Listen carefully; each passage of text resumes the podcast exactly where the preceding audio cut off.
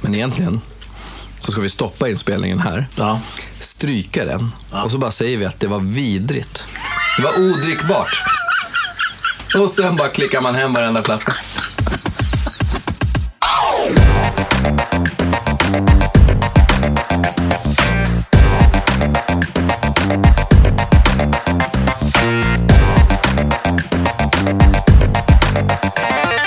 Hej allihopa och varmt välkomna till ett nytt avsnitt av Rörsut med mig Hanif Sabsevari. Efter de senaste avsnitten så framstår det tydligt och klart att ni lyssnare älskar de långa provningsavsnitt som vi har haft hittills. Själv har jag varit lite fundersam över längden på de avsnitten. Men ni är väldigt många som har hört av er och tycker att det är fantastiskt att vi ger varje vin så lång tid och att vi verkligen nördar ner oss i varje liten detalj. Och för att inte göra er missnöjda så bestämde jag och min frekvente gäst Pierre Grubbström att vi ska göra ytterligare en lång provning. Och dagen till ära ska vi göra en vertikalprovning på den högre nivån, nämligen av Renato Rattis Barolo Marcenasco från 2016, 2013 och 1985.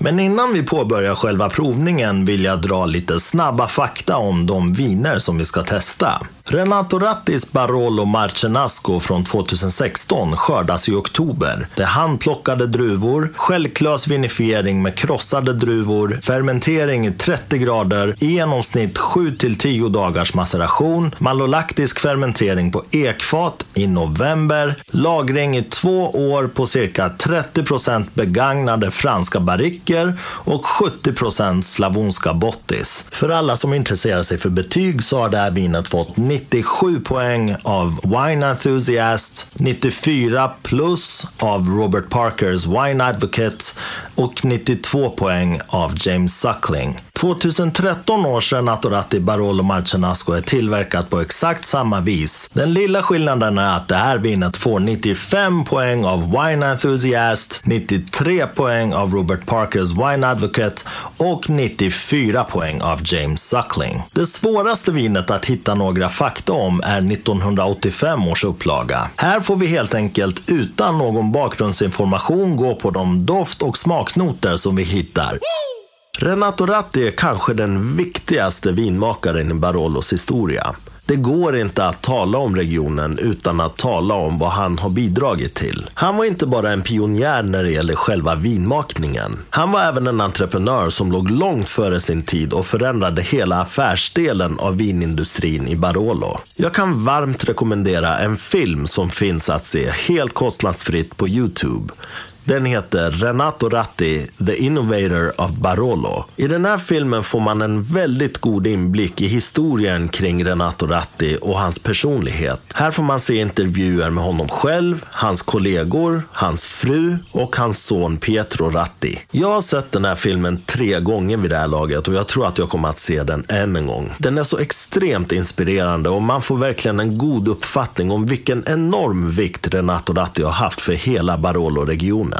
Man får också ta del av vilken djärvvisionär Renato Ratti var. Med en obeveklig integritet och en tydlig framtidsplan utvecklade han vad som än idag klassas som några av de absolut bästa Barolo-vinerna i världen. Och för att dra ut ännu mer på vår provning ska jag här ge en kort historik över Renato Ratti och hur hans Barolo Marcenasco kom till. Historien om Barolo Marcenasco börjar på allvar år 1965 när läkarsonen Renato Ratti, född i Lange och utbildad vid vinskolan i Alba, återvänder till Italien. Han har då spenderat 30 år i Brasilien där han har ansvarat för vermouth-tillverkningen hos Cinzano i Sao Paulo. Renato Ratti vill starta ett eget vinhus och hittar en liten tomt nedanför klostret La Nunziata i byn La Morra med vingårdar som redan på 1100-talet kallades Marcenascum. I det gamla 1400-talsklostret framställer han regionens första vingårdsbetecknade Barolo, Marcenasco antiche cantine della Abbazia della Nunziata. Notera att det alltså inte stod Barolo på etiketten. Under åren på Cinzano hade Renato Ratti rest runt i bland annat Bourgogne i Frankrike där han upptäckte såväl mer sofistikerade vinifieringstekniker som klassningen av enskilda vingårdar. Det existerade inte i Barolo och Ratti kom att bli världsberömd för sin klassificering och kartläggning av de olika geografiska lägena i Lange. Den kartan presenterar han offentligt 1974 och den bygger helt på Cru och Grand Cru-konceptet i Bourgogne. Renato Ratti skapar många heta debatter då han bland annat kortar ner både jäsnings och macerationstiden samt även fatlagringen i syfte att producera mer raffinerade och subtila viner som i större utsträckning framhäver druvorna och vingårdarnas terroir. Efter Renato Rattis död 1988 tar sonen Pietro över vingården. 2004 bygger han ett nytt vineri med låg klimatpåverkan och hypermodern vinmakningsteknik. Pietro har fortsatt utveckla sin fars vision om att få fram de druv och terroirspecifika smakerna i viner som ska präglas av elegans och finess. Pierre, Yes. tillbaka i grottan. Ja, det bästa stället. Ja, för oss i alla fall. Jag Ja. vet inte vad våra respektive tycker om det här. Men eh, vad har hänt sen sist? Ska vi göra en liten eh, snabb uppdatering? Förutom att både Leksand och Färjestad har åkt ut eh, ur Ja. SHL-slutspelet. Eh, fiaskosäsong för Färjestad tycker många. Jag kan väl tycka så här att eh, vissa säsonger blir så här. Det är lätt att börja peka finger och, och sparka tränare och sparka spelare och allt möjligt. Men eh, det är så här. Det här spelet pågår varje, varje år. Det blir vissa säsonger som blir lite upp och ner. Ja, du har ju lyxproblem, det har jag sagt förut. Jag menar, det här är ju en, en av de bästa säsongerna någonsin för vår del här i Leksand. Det är ju liksom tredje plats i SHL och då visste jag direkt när det var klart att det blir liksom 4-0 i baken första, första Ja, omgången. minns för nu är liksom, nu, är det, nu har vi gjort det vi ska. Alla bonusar utbetalda, nu är det semesterdags. och, ja, men, nej, men tredje plats är kanon. Det, Man får ta det på lärkontot hoppas jag. Ja, och, och, och du har ju faktiskt börjat eh, något så spännande som en eh, vinutbildning. Ska du berätta ett kort om den? Ja, jag kan berätta lite kort. Det är ju, det, den bästa utbildningen det är ju den som händer här. Eh, Ja, ja, såklart. och, eller på altanen eller hemma när man tar sig tid att njuta av viner och eh, snacka med vänner och bekanta om hur de smakar och hur, det, hur man tycker att de upplevs. Det är ju den bästa utbildningen. Men sen så, jag varit lite nyfiken på hela sommelierutbildningssvängen. Och, men eftersom att man har ett heltidsjobb så är det ju inte bara att kasta sig in i skolbänken sådär. Men då eh, finns det en väldigt bra eh, onlineutbildning nu som är eh, nylanserad.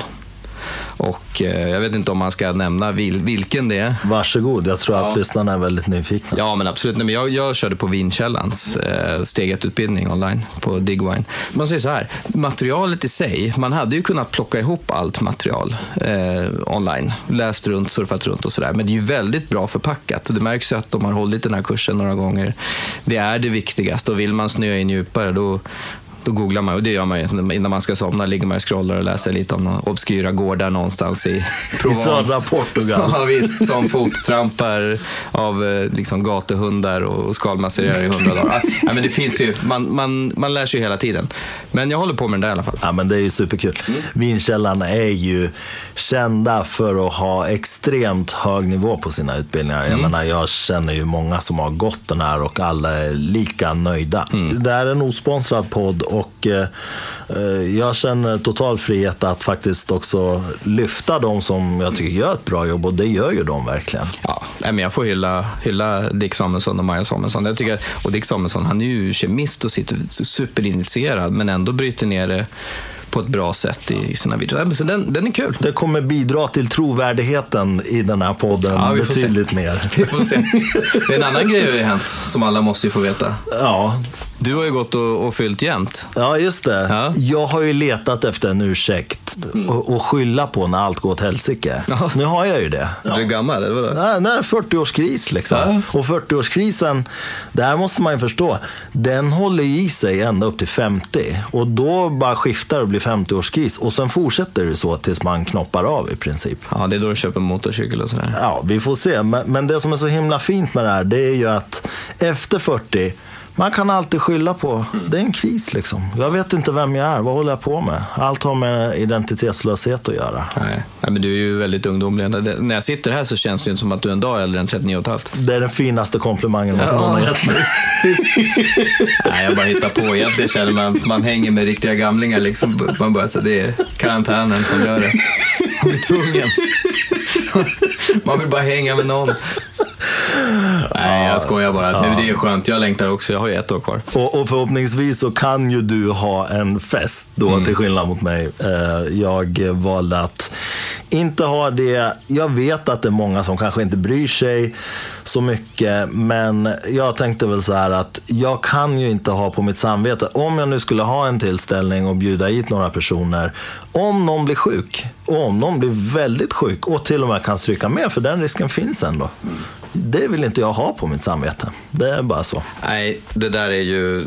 Man påminns ju ständigt om det där eländet. Och, eh, nej, vi är ju här av egen fri vilja och kanske inte i den värsta riskgruppen. Så vi, vi kör på. Det här får bli, eh, det här får bli min eh, 40-årsfest till dig då. Ja, exakt. Det, det är så vi får se det. Det blir gott dricka i alla fall. Det blir väldigt gott dricka. Vad är det vi ska dricka för någonting här nu då? Med Markenasco Barolo från eh, Renato Rattis formidabla eh, institution kan man säga. Familje, familjeföretaget. 85an 2013-2016. Jag är väldigt spänd på 2016. Jag är väldigt spänd på 85an. Det känns som att 2013 det blir mer en sån här referenspunkt också. Jag, jag har faktiskt dålig koll på hur den, det, den årgången är ratad. Nu har du eh, inte hört det här introt när vi spelar in det här. Jag går faktiskt igenom all rating i introt. Så det här eh, det blir lika spännande för dig att höra sen. Ja, låt mig spola tillbaka nu så, och lyssna på det. Nej, men det är ju så här, det här vinet håller ju överlag väldigt hög nivå år efter år. Så att det är egentligen bara en bagatell sådär vad det får för expertbetyg. Men, men du, alltså det är ju ingen idé att sitta här och prata om det här. Ska vi bara börja testa? Ja, Jag tycker faktiskt det. En liten passus som jag vill skjuta in, om man, liksom, man ändå ska kolla lite på storyn så här. När det gäller Ratti, om man bara tittar på Ja, med hela Barolo-revolutionen och Barolo Boys och hela den delen. Man vet att, att Renato Ratti var en drivande del, eh, en drivande person. Alltså att göra upp med en sån eh, kultur och arvstyngd verksamhet i den delen av Italien och vå- våga och, och, och köra på. Det måste ju vara typ nästan som att, att svära i kyrkan. Man trotsar sina förfäders sätt att göra saker. Det är ju, det är ju supermodigt. Det är nästan det religiöst. Man blir så här, uff. Ja, det är supermodigt. Plus att eh, vi har ju valt Renato Ratti just av den här anledningen att det är inte vem som helst. Det är ju egentligen nästan enbart tack vare hans gärning som vi idag pratar om Barolo utifrån regioner och utifrån klassificeringar och någon form av uppstyrd struktur. Annars, det där fanns inte innan han gjorde sin berömda Barolo-karta och ändå kartlade hela Ja, men hela området i princip. Ska vi sätta igång det helt enkelt? Det här ska bli riktigt spännande. Vilken style det är. Det ska ju vara den nya, alltså den moderna. Den mer tillgängliga stilen. Ja, exakt. Och då kan ju 2016 lira en viss eh, typ av musik ändå, redan. Det återstår att se. Vad, vad vi ser redan nu är ju att färgen på de tre vinerna är olika. Eh, det vi har gjort också, bara så att eh, lyssnarna eh, ungefär kan visualisera där. Vi har alltså hällt upp eh, lite av varje vin i eh, tre respektive glas, alltså sex glas sammanlagt. Och det är ju våra älsklingar, eh, våra älsklingsglas då, Orrefors Difference Mature. Vi eh, håller det enkelt idag och gör ingen jättelång glasprovning också. Eh, vi håller oss till glaset som vi vet alltid levererar. Men eh, ja, ska vi hugga in på 2016 då? då? Nej, men det här är ju en fin röd vätska. Den är klar, den är, den är inte tät för fem öre. Den är snarare genomskinlig, lätt. Och den är rätt oljig också. Den är ett glansig liksom. Den är nästan åt det bruna hållet. Det är, Ja, precis. Den är väldigt eh, så här, djupröd. Ta en doft på det här. Ja. Åh, Fantastiskt. den är så frisk och så fräsch och, och blommig, Blommig. också samtidigt. Rosor Ja, och... eh, exakt. Den är ju väldigt mogen. Så här blommig brukar ju inte en sån här ung Barolo kunna vara. Nästan lite lavendel och lite um, ört, använt örtighet, Viol, timjan. ja. Ja. Alltså fantastisk frukt också. Ja, det är det. Röd Verkligen. frukt, liksom eh, krispig. ja, li, li, man känner ju man känner eken också. Jag tycker när Barolo är unga så, så finns det nästan ett inslag av, av mandarin. Mandarincest, mandarinskal. Sen när de blir äldre då övergår det där till apelsin istället. Apelsinskal känner jag i många mogna viner, Barolo-viner.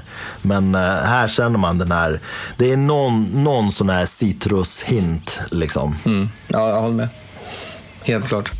Sen känner jag lite blöt sten i också. Ja, men absolut. Och, och mineraler och... Ja. Ja, den är väl aptitlig. Här är man Ja. superspännande på. Ska vi ja, smaka? Ja, vi, nu kör vi. Skål. Skål.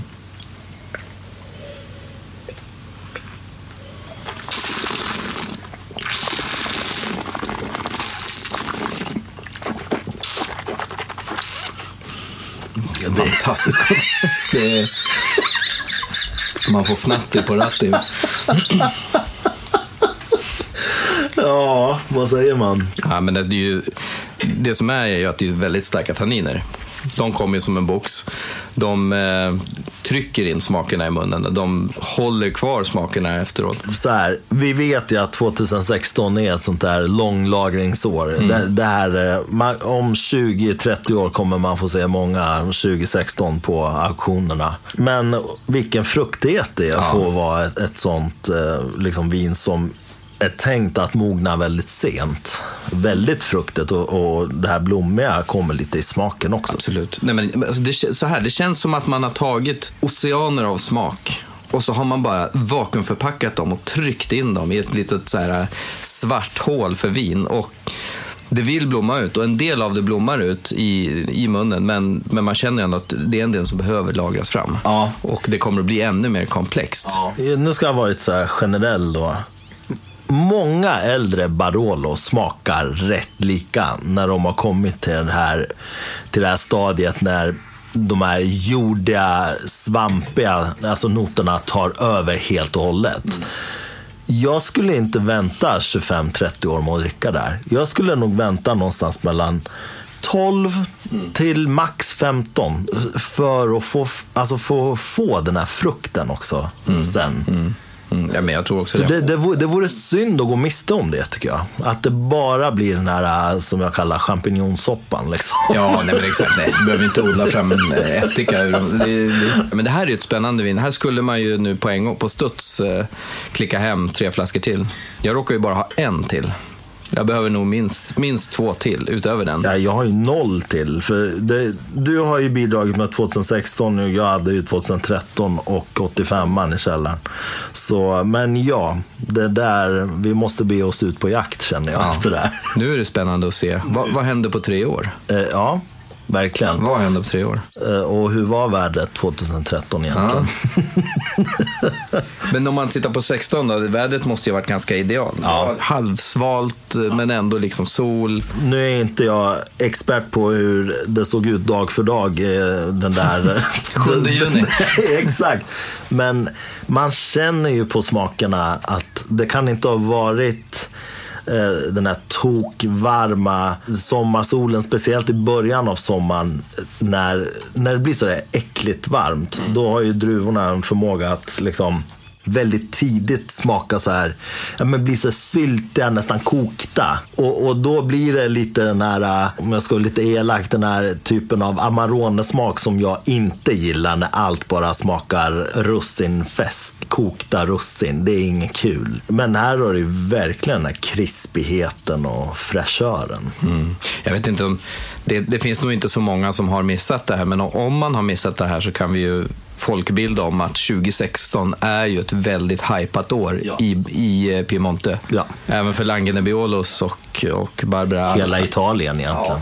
Precis. Brunello hade ju också ett väldigt Ja, exakt, exakt. Så det, är ju, det pågår ju en, en bunkring av viner från det året och eh, av det man har smakat hittills får man väl nog ändå säga att det är lovande.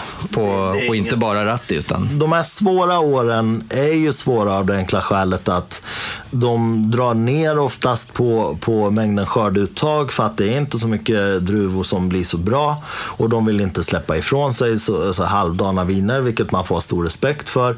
Men det kan ju också vara så att det finns någon vingård som har klarat sig alldeles utmärkt. Men ja, det är ju det är en utmaning att hitta just det, det vinet sådana år. Ja, på tal om det så kan väl alla också lägga på minnet att 2021 nu verkar ju inte bli superbra. I Frankrike till exempel, i Bourgogne, det har ju varit hagelstormar, det har varit frost. De lever i en riktigt tråkig värld, inte bara pandemiskt. Det hugger ju till i hjärtat när man ser den här kampen mot kylan. Alla vinintresserade har säkert sett de här bilderna. Eh, Alla de här stora recensenterna har ju lagt upp dem. Parker, Suckling, alla har lagt upp de här filmklippen på, på Bourgogne vingårdar där de har tänt tusentals eldar för att hålla borta kylan så inte druvorna fryser ihjäl. Eh, Det är hemskt alltså. Man, man tänker bara vilket jobb, vilket slit. Ja, ja, helt galet. Det, det är lätt sen att sitta och dricka den här flaskan och tänka, ah, men det här, ja men du vet, bara tycka. Men gisses vilket jobb det är. Ja, helt galet. Men det finns inte så långt därifrån i eh, till exempel i Fals eller Mosel eller eh, Rheinessen. Där gör man ju Icewine. Där, där vill man ju med flit spara druvorna på stocken tills det frostar. Fast det är ju på hösten å andra sidan. För att pressar du en frusen druva så får du om du, om du halvtinar den, då får du ut det söta. Men eh, nu snackar vi Riesling. Nu är det ju, Yes. där går ju predikaten efter, efter eh, mustsötma och då är det ju fint med söt, sötma. I de här vinerna vill man ju helst inte ha det. Nej, eh, en söt Barolo skulle ju vara väldigt eh, egendomlig. ja, men ska vi ge oss på 2013 här? då? Ja, och den här är ju tätare. Ja, den är lite tätare, men det, det är ungefär samma färgnyans om man tänker. Det är inte jättelångt ifrån 2016 Nej. i nyansen. Lite limmigare. Ja, och den är lite, jag skulle säga att den är lite rödare ändå. Det finns en antydan till rödbrun, men den är, jag skulle nog sätta den som röd. Ja. Ja, dofta lite då. Den är ju liksom mindre intensiv Ja. i allting. Den känns, den känns lite knuten faktiskt, måste jag säga. Det är inte så att eh, dofterna hoppar ut ur glaset. Nej, det är det inte. Och blommighet, jag tror framförallt att blommigheten är ganska borta. Ja. Men, och så Men kommer det lösningsmedel, Ja, mineral, ja. olja. Den, den har ju börjat utvecklas. Oh, det är så tapetlim. Du tänker att du är på bilbesiktningen? Ja. Eller, eller, Ja, eller, bil, eller biltema och spiller ut en hink med oklar eh, vätska, färg eller lim eller något. Ja, man står på cykeldäcksavdelningen. Gummislang Ja. liksom. Det vore ju inte första gången ett sånt vin smakar mycket mer än det doftar. På frukten skulle jag säga att den känns mörkare än 2016. Eh, kanske mer, mer åt björnbärshållet, kanske plommon. Eh, fast ändå, eller mörka körsbär skulle jag säga. Inte gå, inte gå så långt som plommon, mörka körsbär. Bigarråer. Liksom. Ja, exakt. Och ehm, nej, men den här blöta stenen finns kvar, så det måste ju vara en trademark. Ja, och det är ju den som spårar ur fullständigt sen förmodligen då när vi har kommit till 85an. Då är det som att slicka på strandstenar. Det är som att ligga på en grusgång när det spöregnar och dra halsblås. Med dagmaska. Ja, Död men inte begravd. Ja, Smakar det då? jajamän. Skål. Skål.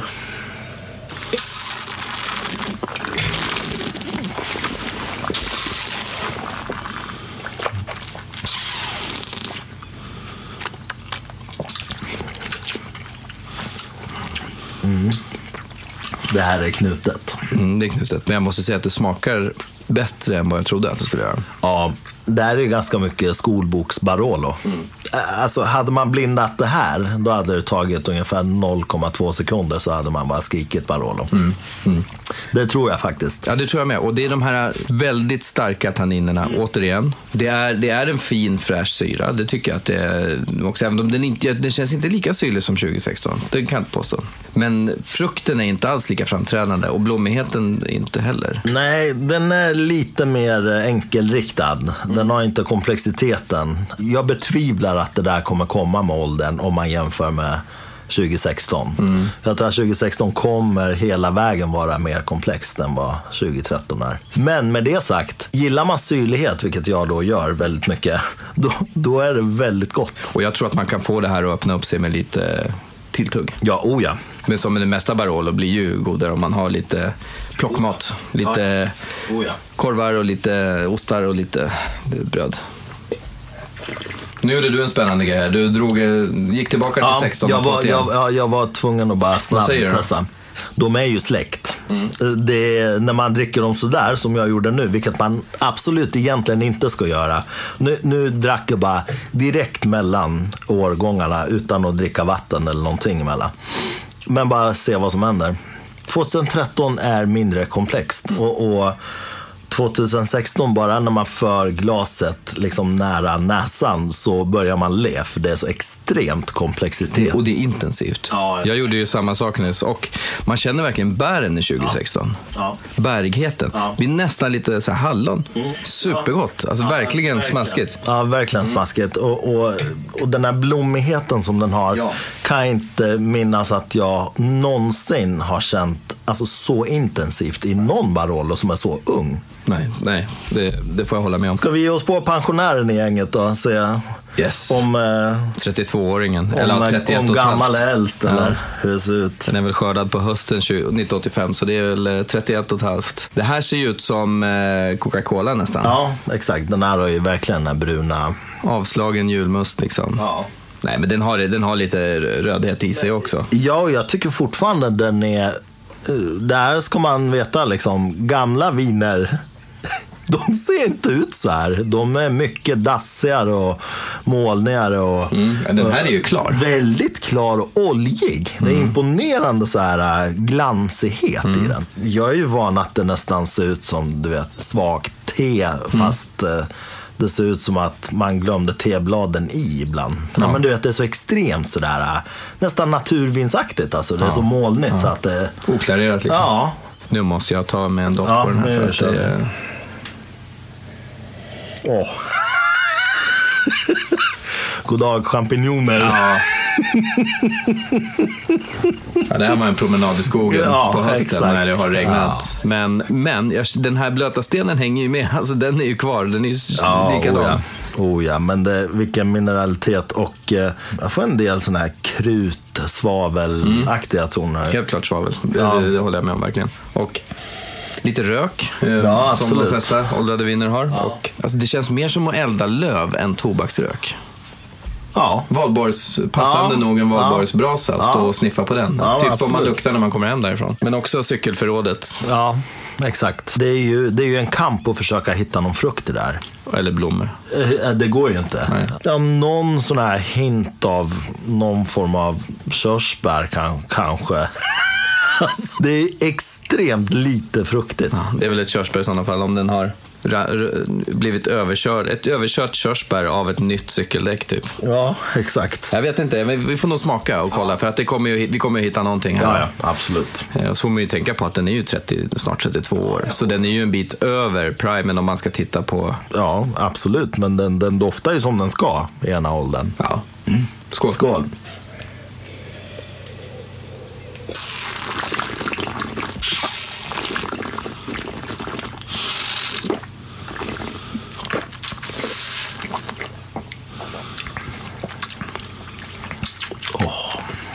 Wow, ja, alltså vilken elegans. Ja. Himla fin. Och nu, här är ju inte tanninerna smäll på truten, utan här är ju tanninerna superintegrerade och smakbärande ska jag säga. Den är riktigt nice. Nu blir min, liksom den här vördnaden för herr Ratti ännu större. Man kan inte ha undgått att jag har druckit en del gamla Barolos vid det här laget, eh, om man har kollat mina recensioner. Det här är alltså absolut världsklass. Alltså den har ju allting kvar i smaken. Den är syrlig, bra tanniner, den är bärig. Man känner de här ängsblommorna. Ja. Kanske inte så mycket rosor, men, Nej. men ängsblommor definitivt. Så ört, ört, örtväxter, lavendeln kommer tillbaka. Den fanns inte 2013. Lång eftersmak. Den är ju kvar i munnen. Det är som att man går runt med en tuggodis liksom. Redan på färgen tänkte jag, wow, vad är det här? För att så här ser de inte ut när de är så här gamla. Det är bara så. Men eh, wow, vilket vin. Men med det sagt, 2016 är väldigt imponerande också. Väldigt Gå tillbaka till den nu direkt. Ja. Bara ta en sniff. Ja. Den hoppar nästan upp i glaset och Oh. ger en en knogmacka Ja. bara. Schmack. Den har ju så mycket primörkänsla också. Det är, alltså all primörfrukt är kvar. Väldigt eh, unga eken är ju där också. Unge, starka tanniner och, och hög syra. Men ja, den är ändå ganska len. Ja, den är jättefin. Den är, så, den är så blommig. Det, det, det får vara ordet. Det är ros, rosfest. Absolut. Ska vi berätta också lite hur vi har gjort här nu? För att, jag menar, i förra avsnittet så var ju den här frågan om, om hur länge man ska lufta och jag gav ju lite tips. Och, och det finns ju de här som kan lufta så här unga Barolos i en vecka ibland. Och det kanske är lite väl överdrivet. Vi har ju alltid en liten faktor av att det kan gå lite snett när vi har tänkt att vi ska spela in. Vi har barn och vi har liksom, ja, ett familjeliv som kan Livet, helt enkelt ja. sä- sätta käppar i hjulet. Så att vi kunde inte göra den varianten. Men vi har luftat väldigt många timmar i alla fall. Jag tror vi kom upp i ungefär nio timmar i alla fall. Någonting. Yes, ja, ja, på 2016 och 2013. 85an, den eh, gjorde jag så att jag ställde upp den så att sedimenten sjunker ner till botten. Slog över den på karaff, sköljde ur flaskan. Det var, det var en hel del sediment i botten. Eh, och sen så slog jag tillbaks den då med en tratt in i flaskan. Och sen på med ett skydd eh, in i kylen. Eh, Så att eh, det, är- det är det vi har gjort. Och sen de två andra luftade jag också på karaff då i nio timmar. Och sen slog jag över dem på flaska, kylde dem och nu sitter vi här. Så att det är väl den processen vi har haft innan då. Ja, och jag tycker den har funkat väldigt bra. Det är, ju- Smakerna är framme. Ja. De har inte börjat smaka övermogen. Alltså brun banan liksom har den inte börjat. eller och inte heller det här- äpplen med, med... Jag tycker varmt vin väldigt snabbt börjar smaka balsamvinäger. Det, det, är de här, det är någon sån där balsamico-toner som kommer väldigt snabbt när det börjar bli varmt. Och det, det är inget kul alltså. Så att, och Barolo alltså, snälla rara, lyssna, drick det inte varmt. Det är ett fräscht, syrligt, krispigt vin. Det ska drickas mellan 15 och max 18 grader. Visst, det, det stämmer helt. Men du, ska vi göra så här? Vi, vi tar en sipp igen nu på 2016. Sen hoppar vi till 85an och ser vad som händer. Deal. Ja, Så fruktig och blommig, det är ja helt det galet. är helt otroligt.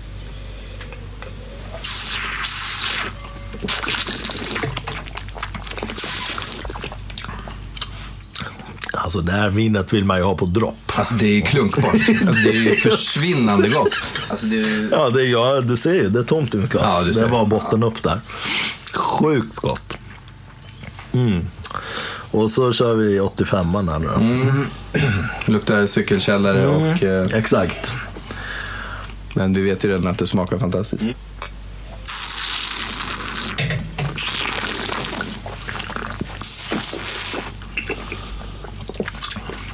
Alltså jag får fram mycket mer av åldersnoterna nu. Man, man känner att Ja. det är besläktat. Ja. att smakerna i grunden finns. Men då, då känner man extra mycket av röken. Ja. Alltså den här löv, lövbraseröken. Man känner extra mycket av ol, oljigheten eller petroleumdelen. Men också, man, man plockar också upp de här frukterna som finns i 2016 också. De här rödfrukterna och eh, örtväxterna eller lavendelstilen tycker jag. Så eh, Det är ju väldigt imponerande att man känner släktskapen. Man känner verkligen att de här vinerna kom från samma ställe. Ja. Det är helt otroligt. Jag tror inte jag har testat, eh, alltså vertikalat eh, på, alltså, och känt just det här någon gång. Alltså den, när vi testade Fontana Fredda, det var ju Ja, det kunde ju varit från helt olika ställen. Men där kommer vi tillbaka till det vi pratade om i början. Mm. Fontana Fredda, det är ju ett stort vinhus. De köper in frukt från Corpilombo om de behöver. Nej, det gör de. De köper ju från Barolo för att de ska ha det hos egen. Men det här är Markenasco. Det är en vingård. Och det var det redan 1985. Har han märkt ut Markenasco på fläran. Ja. Så det är inte bara Barolo, det är från den gården. Och får man inte stringens i det, Mm. Då gör man ju någonting fel. Men jag är ju benägen att tro då att kanske att 2013 är inne i någon typ av tunnel. Ja, att men- den kommer att eh, komma tillbaka. Ja.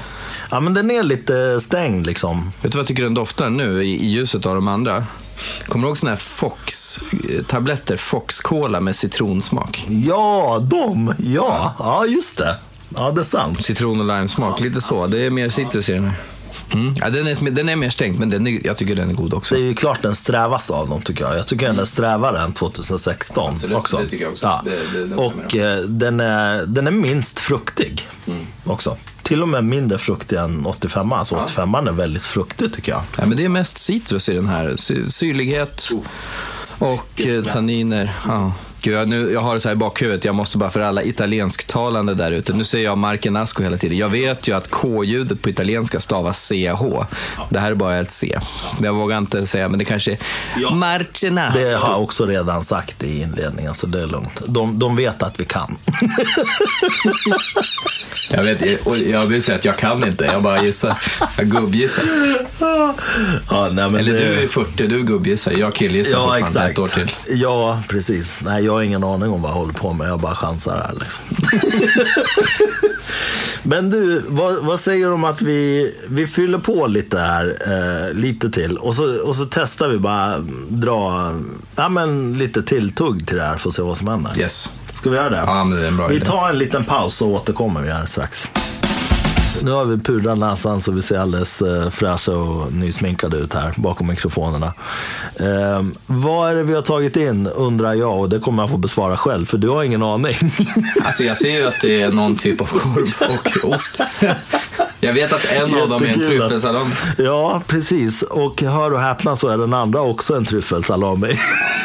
så det är två typer av tryffelsalami och eh, eh, ja, parmesanost. Då, då. Men är det inte så det första man tänker på? Om någon säger ja, men vi dricker lite Barolo ikväll. Jag tänker tryffel direkt. Ja, ja, absolut. Salami, risotto, eh, tryffelpasta. Ja. Ja, det, är, det är ju en match made in heaven nästan. Det är ju det. Jag, jag har ju också med framgång lyckats eh, äta några pizzor som funkar alldeles utmärkt till, till Barolo också. Men pizza, det har nästan blivit ett skällsord. Pizzavin, ja men det är ju det här lite sämre vin. fattar Så det inte varför. Pizza är ju, det innehåller ju allt som borde lira med vin. Det är bröd, det är, det är fett, det är protein. Precis. Nej, men det, det är en pizza jag brukar köpa. Det är alltså oxfilé, gorgonzola, kantareller och sen eh, tomater, lök och sen ber jag dem ha på paprika också. Mm. Du vet, det där, det, det funkar till vad som helst. Vilket vin som helst. Något som funkar till vad som helst, det är ju paprika i mat. Allvarligt talat. Det är min stora del också. Det är så jäkla gott. Och sen vill man vara lite säkrare, då kör man ju på med någon form av mozzarella pizza. Neutral ost, men ändå bra fett och men ändå konsistens. Det, alltså, det, och det är ju det värsta som finns med pizza, om man tar en köppizza. Det är ju när de har på billig ost.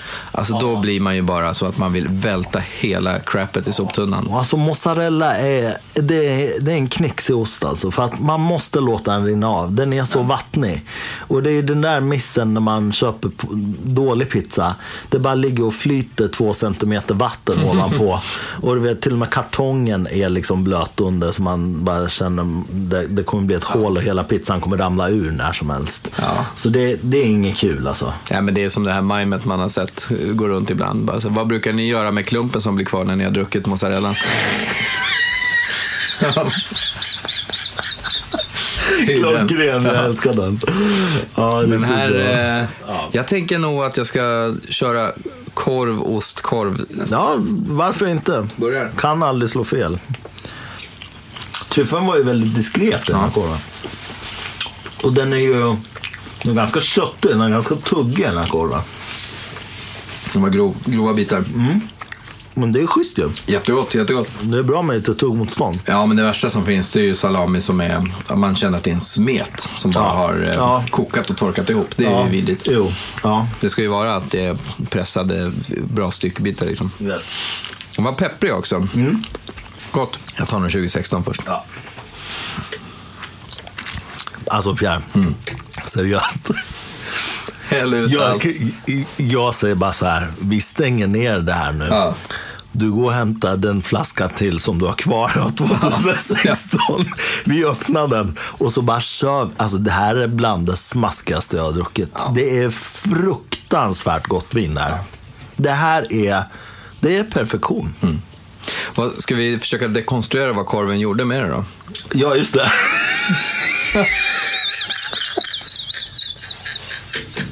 Jag skulle, får jag hobbyanalysera så skulle jag säga att proteinet och fettet tog stinget av tanninerna och syran och lämnade den här blommiga, bäriga smaken kvar. Och det blev ju som att sitta med tidernas eh, mest lättklunkade, friska, krispiga vin. Så den var, den var supergod faktiskt. Men du, den här svartpepparn i Mm. ena korven, den är ju fin för den, den är ju inte jättestark. Nej. Men den hänger kvar tillsammans med liksom, alltså eftersmaken på vinet. Mm. Är, funkar jättebra ihop.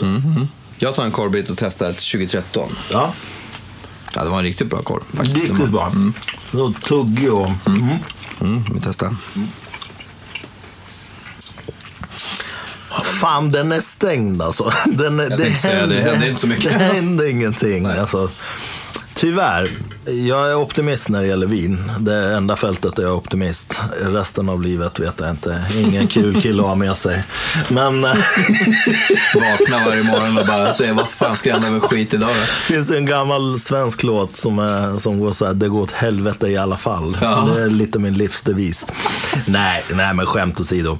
Eh, jag tror på det här vinet. Jag tror det är så här som jag har haft i ett avsnitt tidigt. Det här är typiskt dumb face då, som engelsmännen pratar om och amerikanerna. Den här är inne i tunneln. Den kommer komma ut på andra sidan. Det är jag nästan säker på. Den behöver sig sådär, ja men minst fem år till. Minst. Jag tror att den här kan behöva ännu längre. Och då kan man, även om det skiljer mellan årgångarna, kan man, man, kan, man kan extrapolera från det här och förstå att man inte öppnar 2016 om tre, fyra år. Nej. Utan antingen dricker man det hyfsat nu, Ja. eller så får man vänta tio. Ja, minst. Det gäller nästan de flesta viner skulle jag säga. Som är lång, till för långlagring. Drick dem inom fem år. Eller så vänta. Eller glöm bort dem. Eller glöm bort dem. Hitta dem när du Gör gjuter om grunden på huset i källaren. liksom. typ. Men du, ska vi ta en korv och testa gamlingen också? Jajamän. Jajamän.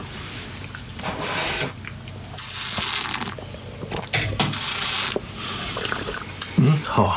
Det har varit väldigt god. Ja. Här, här hände ju liksom någonting med vinet också. Som blev eh, väldigt bra. Eh, Den, den här korven är ju väldigt syrlig också. Så den, eh, den möter ju syran i både 2016 och 85 på ett väldigt fint sätt. Så att det blir liksom en väldigt så här rund, ett runt giftermål i munnen. Ja, det blir jättegott. Men, men man känner ändå att det finns syrlighet kvar i den här fast den är från 85. Man känner fortfarande tanninerna, så det måste ju varit, måste varit en ganska bra årgång ändå, Ja. känner jag. Ja. Men det som blir kvar nu med tilltugget till, det är ju bärigheten och blommigheten. Det är lite som 2016. Ja. Men in, jag tycker ändå inte lika intensivt som 2016. Nej, nej alltså. 2016 är klart vinnaren här.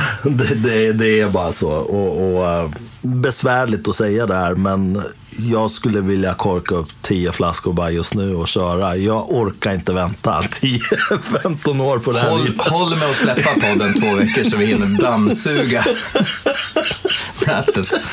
Det kommer ta två veckor innan det släpps så det är lugnt. Ja. Nej, Nej, men, men- gisses vilket vin alltså. Ja, var väldigt gott. Och jag menar, nu kan man säkert så här, till alla som tänker då att så här, vadå, sitter man och hissar en, en Barolo som bara är fem år gammal. Nu var Rudis nere i skallen. Det här kommer ju bli mycket bättre med lagring och bla bla bla. Men det här är ju, allt, allt vinkännande är ju individuellt och eh, försöker ju inte att göra någon liksom, betygssättning alla Robert Parker. Det här är ju vad vi känner här och nu. Och jag håller med. Jag tycker 2016 var den bästa upplevelsen. Men det var nog för att den var väldigt bra. Sen så uppskattar jag verkligen det här gamla ja. åld, åldrande liksom, noterna som finns ja. i 85an. Och ja. det är en fin årgång. Man känner det. Det är bra bärighet, det är bra blommighet. Men 2016 är ju... Och, och, extremt bra kvalitet på den här flaskan som vi har haft. Jag menar, när man tittar på eh, glasen när de står så här bredvid varandra. Du vet, i normala fall om vi hade haft en 2016, 2013, 85 85an hade ju varit någon sån här blekbrun eh, eh, liksom champinjonsbad. Du hade ju sett, du hade inte behövt tänka. Nu är det fortfarande så här, jag måste tänka, just det, hur var, hur, vilket är vilket liksom. Det är jättefint i färgen. Man ser inte alls att det är ett vin från 85. Men innan vi stänger ner och frossar ja. så vill man väl ändå ta en sväng med osten? Ja, det, det tycker jag. Grova parmesanbitar här. Ja, det är så man vill ha när man ska testa mot vin. Nej, men alltså, jag tror många kanske är rädda för att använda parmesan som en som ett tilltugg. Att man använder det bara som en, liksom, som en krydda i mat. Parmesan är jättebra till vin för att det är också syrligt. Och vill man gå Parmesanskolan 1A på absolut inga högskolepoäng alls så kommer den här. Om du ska använda den i mat, ta en kortlagrad och spara 20 spänn per eh, slice. Yep. Ska du käka den som ett tilltugg, ja. då tar man ju de yep. mer långlagrade. Japp, så är det. Vad är det nu då? Är det 16? Yes. Bästa först, som är riktigt gott och gris. Skål. Skål.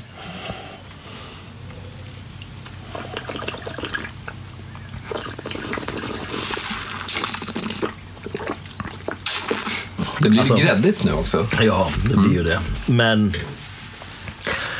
Alltså det här, den här 2016 är ju som Hulk Hogan liksom. Det spelar ingen roll om du tar in Undertaker eller vem du tar in i ringen. Kommer inte spöa det här vinet.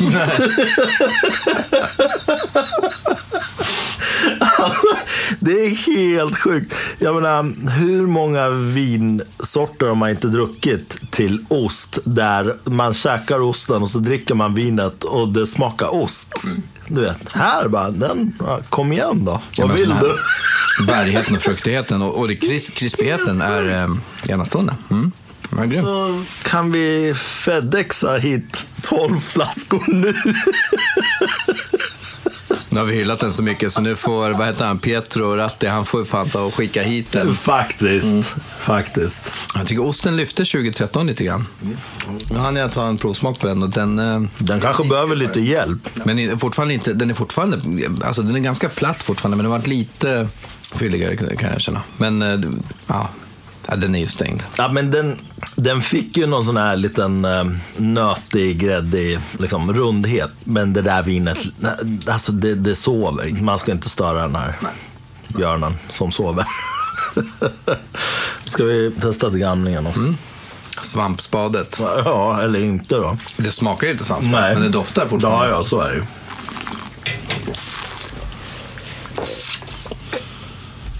Ja, men det här blev ju väldigt bra också. Ja. Väldigt gott. Bärigt, blommigt och den årgången också. Ja, det här blev väldigt gott. Ska vi, ska vi ändå testa en tredje, eller den andra korven då, tredje tilltugget? För den är, den är mycket mer tryfflig i yes. smaken. Yes. Vi testar. Nu en annan style än första. Mm, exakt, men den förra var mer, den var mer köttig. Eh, ja.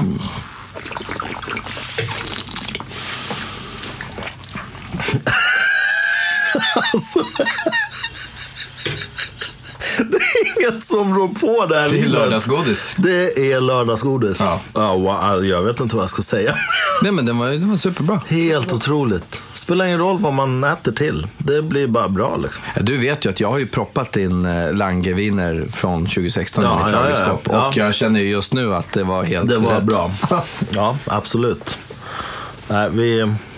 Mosa på. Ja, 2013 nästa.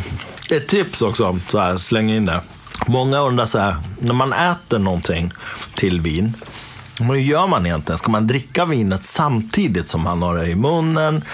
Ska man äta det och dricka det? Man får givetvis göra hur man vill. Jag menar, det kanske finns eh, folk som vill dra en kebabrulle och samtidigt som de har i munnen dra en 2016 Ratti Barolo till och tycker att det blir fest. Då är det bara att köra på. Men Jag personligen tycker att man får bäst smakkombination om man äter, sväljer som man inte har det där i munnen, alltså tilltugget, men ganska omgående in på då dricker vinet. Nej, men jag håller med. Ja, det, det, det, för att då har du ändå en hel del smak av det du har ätit kvar i munnen så att vinet hinner liksom in och, Ja. och para sig med det där. Precis. Ja, alltså sköljer man ur med vatten emellan, då kunde man ju lika gärna låtit bli att käka. Liksom. Ja, ja. Men eh, jag håller med, det känns lite piratmässigt att dra in en köttbit i truten och sen så Och in med vinet direkt. Ja, Då blir det ja. mer...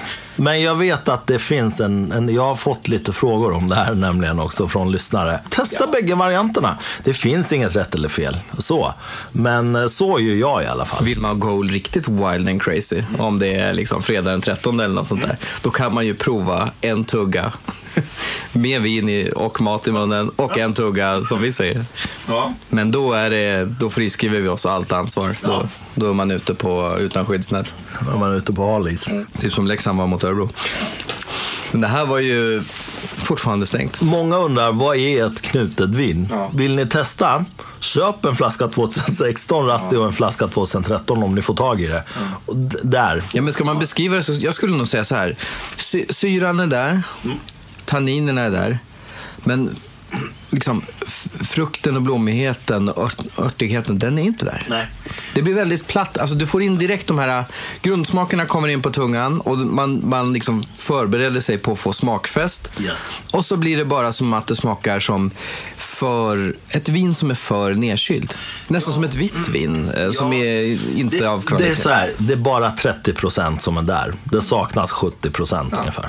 Om man jämför med 2016 då. Men återupprepar, spara 2013 i källaren. Spara det fem år till. 100% minst. Alltså, eh, har man tålamod nog att ge det 10 år till, då tror jag att den kommer... Belöna. Ja, verkligen. Jag tror på det här vinet. Jag menar, nu, nu har vi ju 2016 och 85 som bevis på att det här det, det är bra grejer. Så att eh, ha lite tålamod om ni sitter på 2013. Nu blir 85 an Fantastisk årgång. Det är ju min frus födelseår. Ja, det är det. Ja. Ja. Nu väntar alla på att jag ska dra några skämt, men det tänker jag inte göra. Det hade jag ändå för din skull klippt bort. Exakt.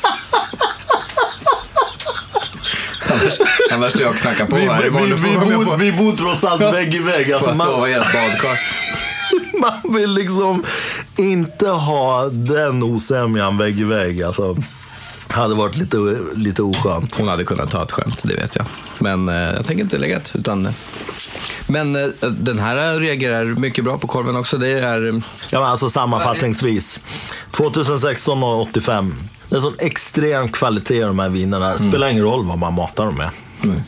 Vi skulle kunna äta jordgubbsglass här. Skulle säkert funka precis lika bra. Alltså, de här vinerna står på sig. Det är så otrolig kvalitet så att eh, ja, håller jättebra. Och, och det är imponerande att de anpassar sig liksom inte riktigt efter det man äter. De, det är vinet. Liksom. Det händer ju lite saker såklart, men vinet är där. Ja, men det var jättegott. Och jag menar, känns, säg så här, det känns som att det finns en våg nu av att folk i regel försöker gå djupare in i sin vinkunskap. Att man försöker prova nya stilar, att man försöker att hitta vad alla de här hyparna handlar om. Och, eh, och ja, vi är ju där också, såklart. såklart. Eh, och man har ju sparkat in några dörrar och andra finns kvar att utforska. Men när det gäller Barolo, en del, ofta så säger ju folk att äh, men det, det är svårt med Barolo och det, man måste lära sig. Man måste lära sig Nebbiolo i regel och bla bla bla. Men jag tror det är samma sak som med allt annat. Man får skilja på bra och dålig. Det är som att säga att man inte gillar vitt vin för man har druckit liksom, ljumskvarm box av tre apor. Ja, men du vet, ja, men det är ju klart att det inte är gott om man inte vill bli kastrull. För Alltså, då, ja. Alltså, ljumskvarm, det måste ju vara den optimala Ja, det temperaturen vet- för allt här i världen. Ja, men du vet, studentmottagning. Ja, jag vet Den har exakt. stått på det där bordet i Ja, ja. fyra timmar. Ja, ja. Bredvid eh, smörgåstårtan med räkor. vet. Det kommer ju inte smaka jättegott i det där plastglaset. Nej, då spelar det ingen roll vad du har i. Men om man tycker att det tjatas för mycket från liksom, gammelfarmor och gänget, då tar man ett glas till ändå. Men Barolo, eh, hittar man rätt, då behöver man inte vara någon konnässör för att känna att det här är bra. Jag tycker en intressant reflektion att göra är, eftersom jag har druckit ändå en hel del gammal stil av Barolo är ju det här Barolo Boys-bråket då. Ny stil eller gammal stil. Och nu kommer jag vara så extremt tråkig som jag är och säga så här att det finns inget som är bättre. Det finns bara en dagsform och vad man är sugen på och vad som funkar för dagen. Den gamla stilen är lite mer enkelriktad, lite mer robust, lite mer rustik. Det är lite mer eh, liksom gubbe, så här, gubbtänk i det. Det är den här stolta gubben. Han har alltid gjort på ett visst sätt, kommer fortsätta göra det. Han blir otroligt irriterad om man ber honom göra på något annat sätt. Sen kommer den nya stilen. Det händer lite grejer. Vi känner ju här exakt vad det är som händer. Vinet blir mer komplext. Det blir mer tillgängligt. Vi dricker 2016 och, och vill bara fortsätta dricka där hela natten. Jag tror inte att man, man hade känt det riktigt med den gamla stilens Nej. Barolo. För den är så mastig också på ett sätt. Så att den kan vara, det, det, är fortfarande en otrolig upplevelse. Men när man har fått i sig eh, liksom, ett par glas av en sån flaska. Man känner inte, åh nu vill jag ha tolv flaskor till här ikväll.